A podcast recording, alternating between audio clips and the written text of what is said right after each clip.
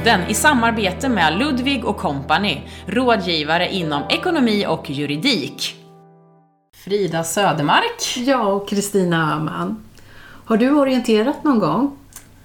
Jag tror att både du och jag orienterat, jag har inte gjort det särskilt mycket, men det där har man ju gjort i skolan och av någon anledning så är det ju väldigt laddat det där med orientering. Ja, man hör historier om eh, när man, de som gick och gömde sig i skogen och satt med små nålar och gjorde det här mönstret innan det var digitalt det här med orientering för att, eh, för att, eh, så att det såg ut som att man hade varit vid kontrollerna. Mm, ja, men det var inte det lättaste eh, uppdraget eller eh, gymnastikavsnittet för mig heller. Men jag tycker ändå det ganska, visar på ett ganska fin entreprenörskap ändå, att man eh, hittar på, alltså kan, kan lyckas fejka det så bra. Det kan man, skulle man använda sådana här eh, fake grejer eller att man har såna här kreativa lösningar in i in i ett företagande så hade man ju faktiskt kommit ganska långt. Men jag var den som faktiskt sprang till kontrollerna eller gick hur det nu var, även om inte jag var någon idrottare när jag gick i skolan. Men jag har faktiskt orienterat på senare dagar också, för vi hade ju den stora tävlingen O-ringen i Norrköping för ett antal år sedan. Jag tror det var tre, fyra år sedan. Och när någonting sånt fantastiskt händer i min närmiljö, då vill ju jag vara med. Och inte bara titta på de som kampar på Himmelstalundsfället och inte bara gå in i näringslivstältet på eventområdet. Jag höll faktiskt en föreläsning också, vilket var jätteroligt. Jag vill ju delta på alla sätt, så är jag som person. Jag vill, eh, jag vill vara med.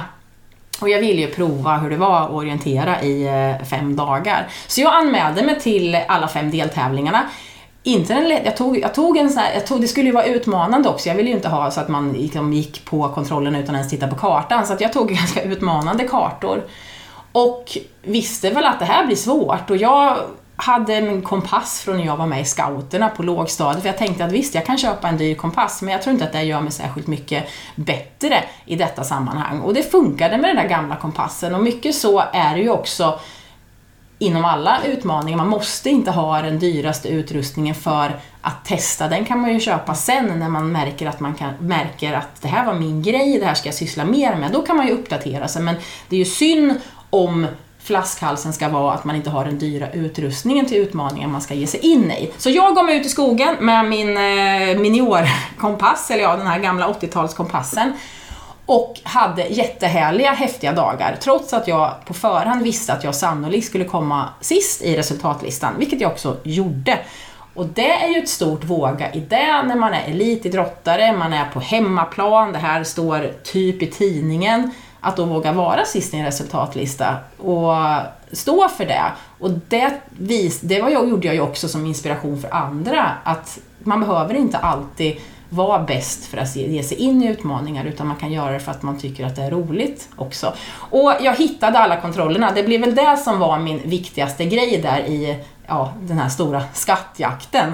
Att jag skulle hitta kontrollerna och vissa av de kontrollerna hittade ju de som var duktiga på det här på tre minuter medan jag harvade runt i ett ja, träsk eller någon slags svacka i skogen där i, ja nu menar jag, ja, det var väl, det finns väl flera olika sätt att och definiera en svacka, men det var någon stor skogssvacka där och det tog en timme för mig att hitta vissa och man undrade vad hur kan man rimligtvis inte hitta den där på en timme? Men det var ganska svårt, men det var ju också väldigt roligt och jag är väldigt nöjd över att jag hittade allihopa trots att jag behövde till och med gå på kompass, vilket inte är helt trivialt. Och det säger ju ganska mycket om, eh, om vad som driver mig som eh, företagare. Att det, inte, det är inte tid, tiden som är avgörande utan att göra och att eh, få koll på de grejerna man behöver ha koll på för att eh, ta sig ett steg vidare. Mm. Jag har eh, liknat förändringsledning som att lägga ut eh, kompassen. Eh, att man tar ut inriktningen och eh, jobbar med Eh, alltså tänker det bildligt eller visuellt att förändringsledning handlar om att ta ut inriktningen med hjälp av en kompass. Men du vet inte riktigt hur det är på vägen. Du säger att du sprang i ett träsk. Ja, men som en förändringsledning, det blir inte som man tänker sig. Utan du måste omplanera hela tiden. Men du har den här viktiga inriktningen. Eh, kanske inte purpose som vi var inne på förra gången, men, men du vill ju skapa något nytt. Eh, men eh, det, det, är en bra tanke tänker jag att eh, du är osäker på vägen men du vet vad du ska åstadkomma och det är ganska viktigt att veta vad du vill eh, åstadkomma. Eh, även om det kanske nu i ditt fall då blev, ja du ska ta dig i mål och du hade ingen tid, tidsmål i alla fall. Men du eh, hade en inriktning. Jag tänker också det här med smarta mål som man kanske då skulle man kunna likna det med de här Eh, de kontrollerna ute i skogen då. Eh, men eh, om man fokuserar bara ta, ta sig till ett enda, en enda kontroll så tappar man fokus på, på helheten och inriktningen. Ehm, ja, men, jag, jag, tänker att jag tycker det är otroligt modigt att våga ställa upp i en, en tävling där man egentligen vet att på förhand, eller kanske inte vet, men att man faktiskt inte kommer vinna.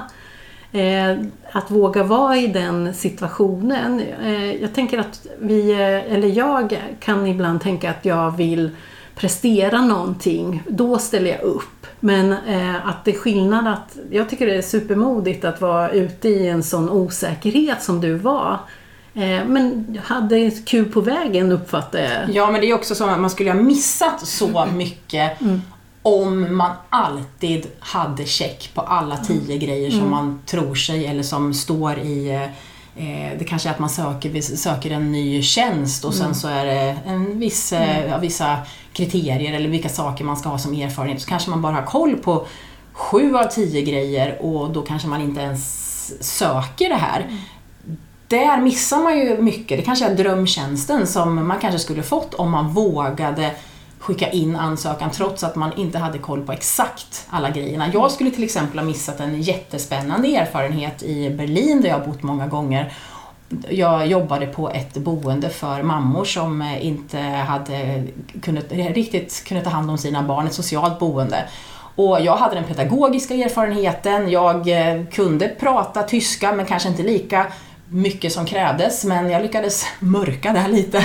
Mm. Eh, intervjun gick bra. Jag hade ju viss erfarenhet av barn, mina syskonbarn.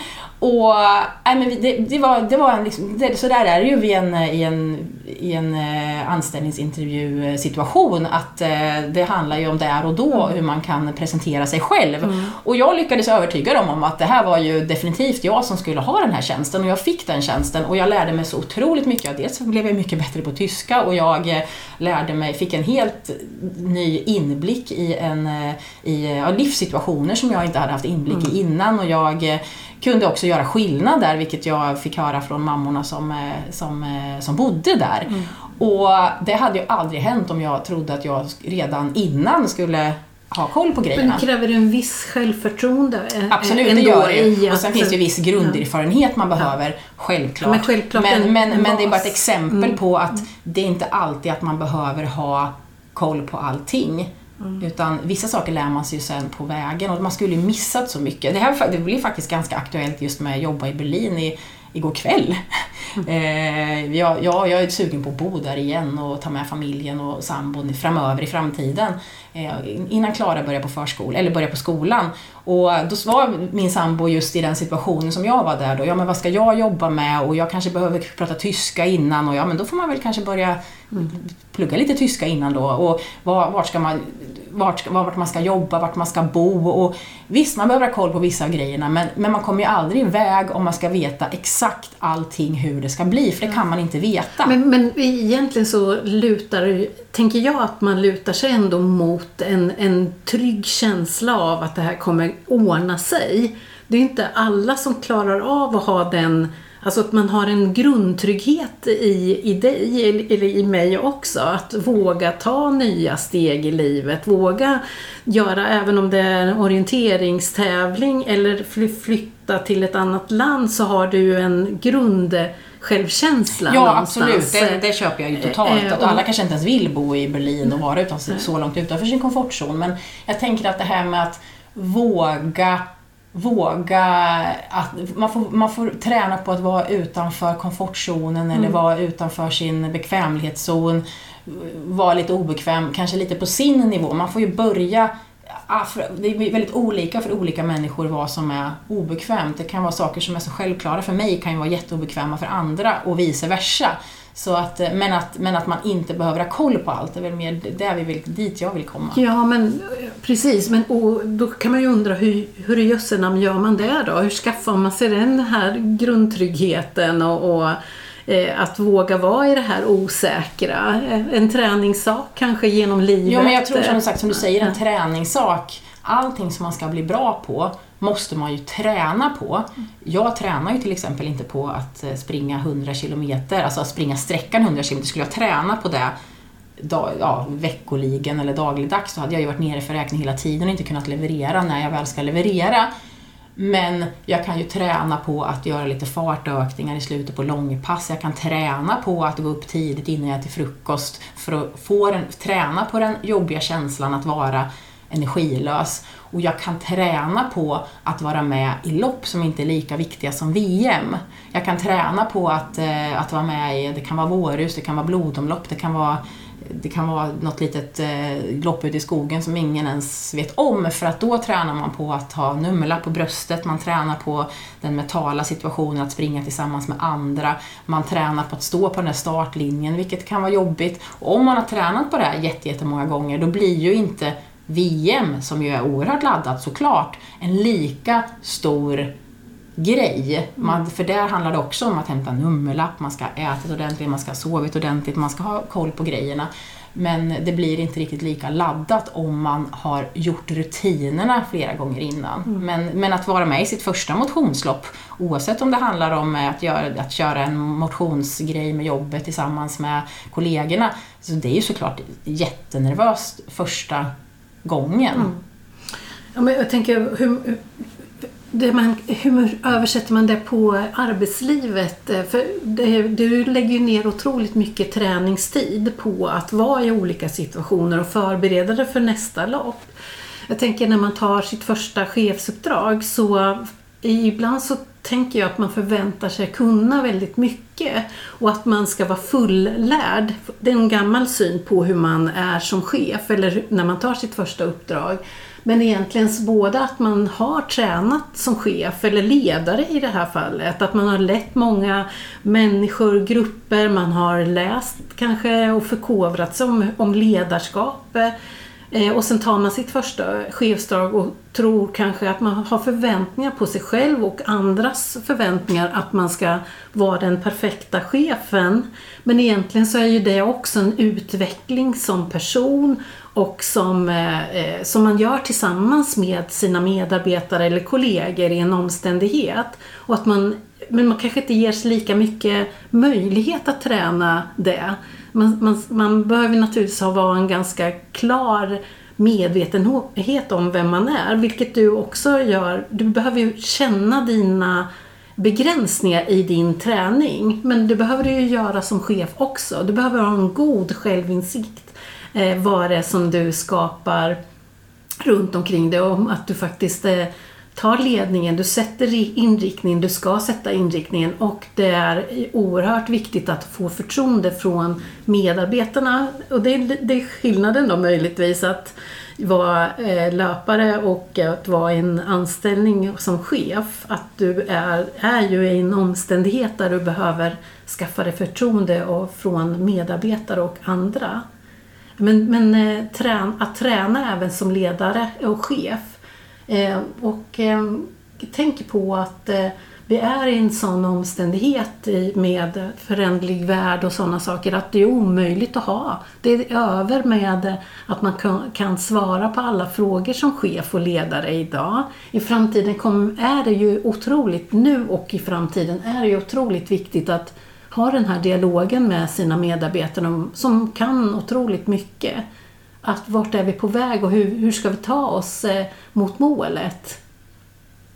Eh, ja, men, eh, jag tror det känns ju som att det där, det är så, jag, är ju från, jag jobbar ju inom, eller jag är ju skolad inom skolans värld, jag är ju, är ju lärare och pedagog och det är ju mycket så man undervisar även eleverna idag. Det handlar ju om att, att ha förmågan att hitta kunskapen mer än att man själv står och berättar om hur saker och ting förhåller sig eftersom att världen är så föränderlig. Och om vi pratar om det här med träning mer på en eh, alltså näringsliv, affärs, företagsnivå så oavsett om det handlar om ledarskap eller inte så, så att, att, att träna på att eh, att eh, i vårt fall så handlar det mycket om att vi ska sälja oss själva, vi eh, presenterar oss själva på ett bra sätt och att man tränar ju på, alltså från början så tränar man på hur, så som jag presenterade mig eller, eller sammanfattade mina föreläsningar, eh, skrev, eh, skrev eh, säljande texter.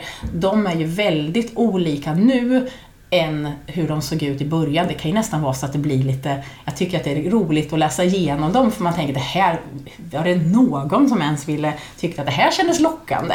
Men jag har ju tränat på att skriva sådana här texter och jag har ju visat dem för andra. Det är ju ett sätt att träna. Är man i en säljande situation så handlar det om hur man ska, hur ska jag formulera mig på det här affärsmötet och det kanske inte blev helt hundra första gången man träffade en kund, men man lär sig ju hur man ska göra det annorlunda nästa gång. Eller så blev det jättebra och man fortsätter så, men det kanske är något annat som man behöver träna på. Man mm. kan träna tillsammans med sina med sina kollegor, det här är lite mer ledande befattningar så, så kan det ju vara många gånger man behöver träna på att ja, men få berätta för någon annan. Det är ju väldigt, så som jag har förstått det, så får man ju ofta en, eh, man kanske har en mentor eller någon, jag vet inte hur man kallar det riktigt, men att man har en... Eh, ja, men jag har haft förmånen att haft eh, coach ja, med precis. jämna mellanrum ja. när jag har, och det har ju varit att ha en person som jag kan dryfta mina dilemman mm. eller också få återkoppling mm. på olika situationer och hjälpa till att tänka över hinder. Mm. Det har ju varit fantastisk möjlighet och det kan jag ju bara varmt rekommendera mm. som chef och ny chef att man får en coach eller har möjlighet att få det. Och ofta så är det ju så att man kan få i alla fall en, en period. Men eh, det har ju varit den största personliga utvecklingen att eh, eh, få tid för reflektion över vart man befinner sig i sitt ledarskap och chefskap förstås.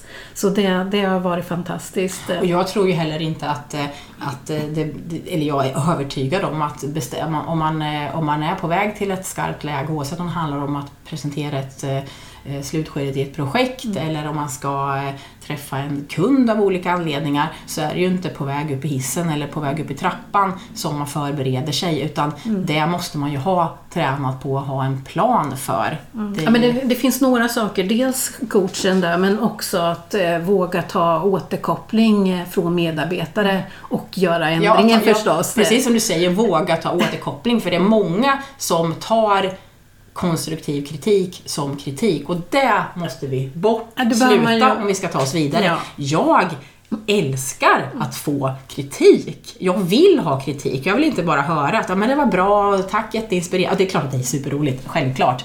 Men när man får något konstruktivt, det är då jag tycker att ja, men då, det, det, jag växer. Ja, och det här det var när jag jobbade som eh, gymnasielärare nu senast så hade vi förmånen att ha en väldigt engagerad studierektor mm. som gjorde lektionsbesök. Mm. Han kom alltså en hel lektion till mig och mina elever och var med Ja, under lektionen. Och efteråt så satt vi oss ner och jag fick feedback. Mm. Alltså det här var ju ett tillfälle som jag såg fram emot. Vilken förmån att få feedback under en hel lektion. Han var väldigt duktig pedagogiskt. Det finns ju de som är studierektorer som kanske inte har den pedagogiska grunden men det här var en, mm. det var en bra man. Och, ja, och, det, och det, det som var lite intressant var ju att det var många som tyckte att det här var ju uppåt väggarna. Ska studierektorn komma in på min lektion? Har de inte förtroende för oss? Och såg det som att det var någon slags en koll, att man skulle kolla om man hade bra lektioner.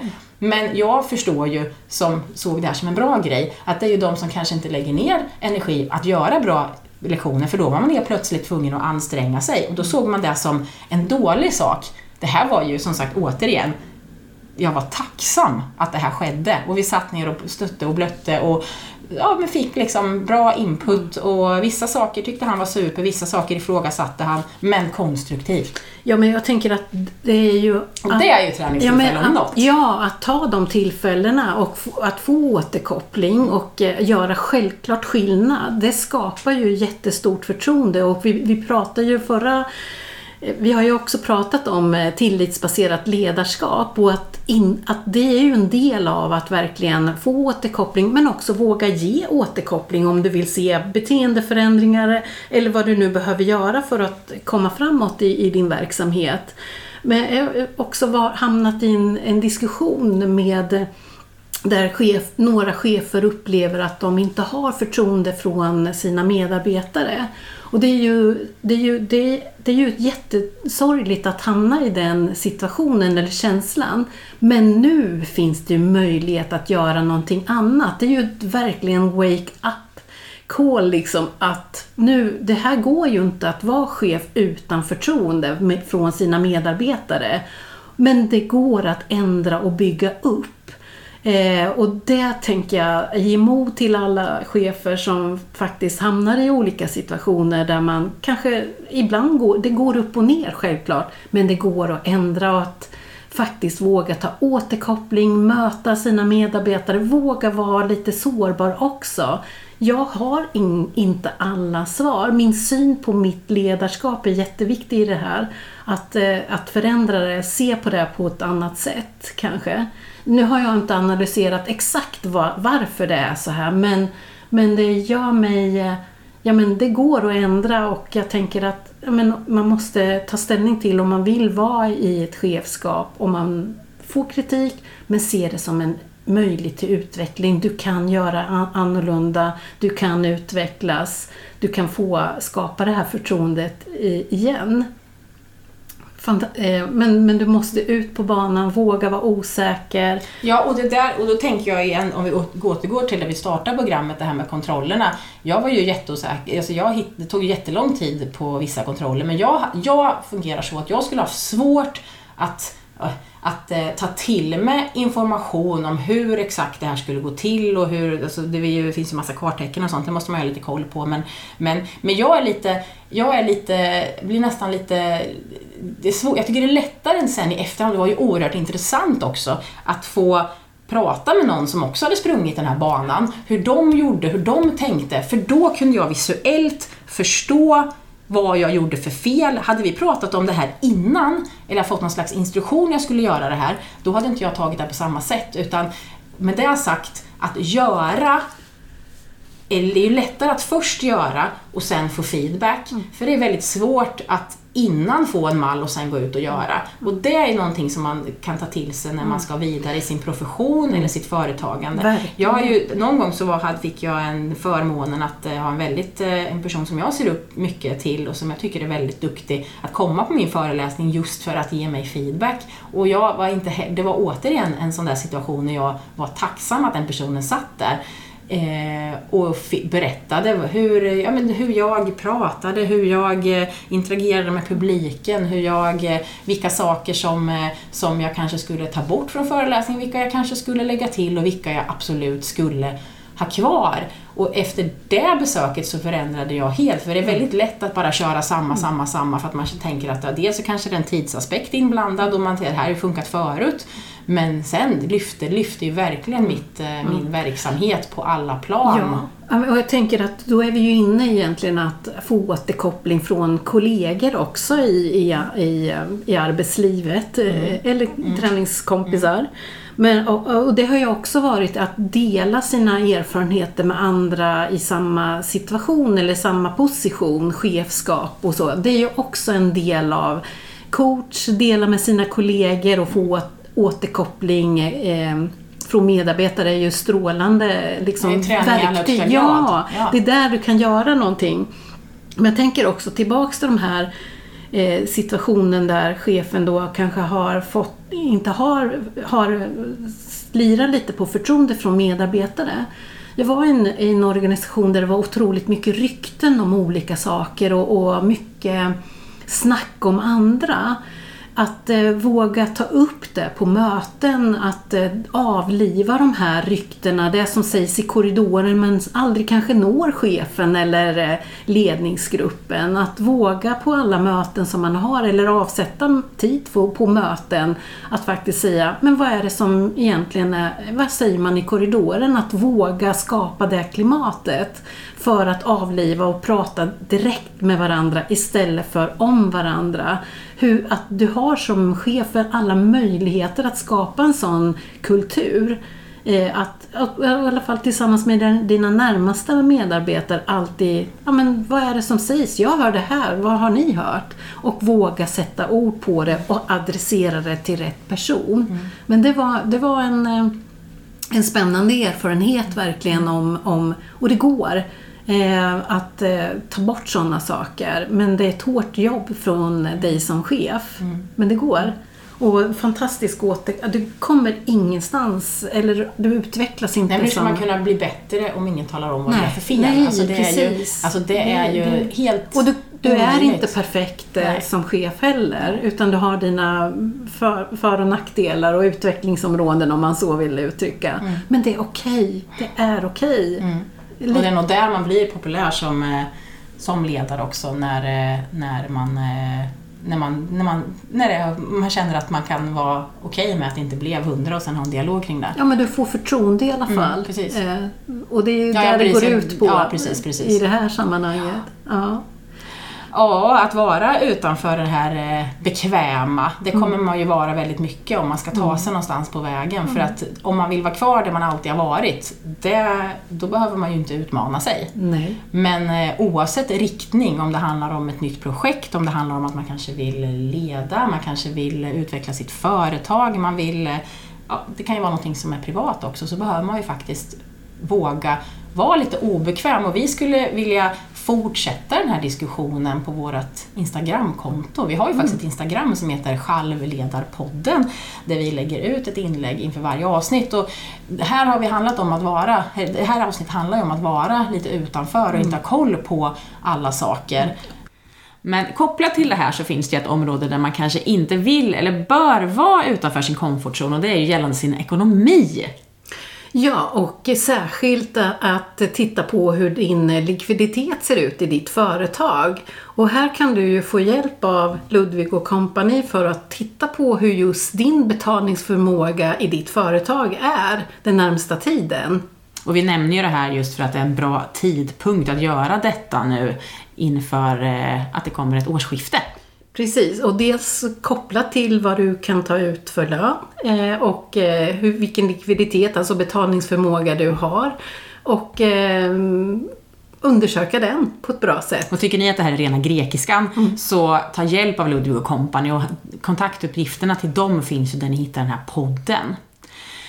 Med det sagt så hoppas ju vi att vi ses utanför komfortzonen ja. på vårat, i vårt Instagramflöde och fortsätter diskutera och ta hjälp av varandra och eh, dela med oss av historier hur man kan bli bättre där. Tills nästa gång så ha det bra. Mm. Hej. Hej.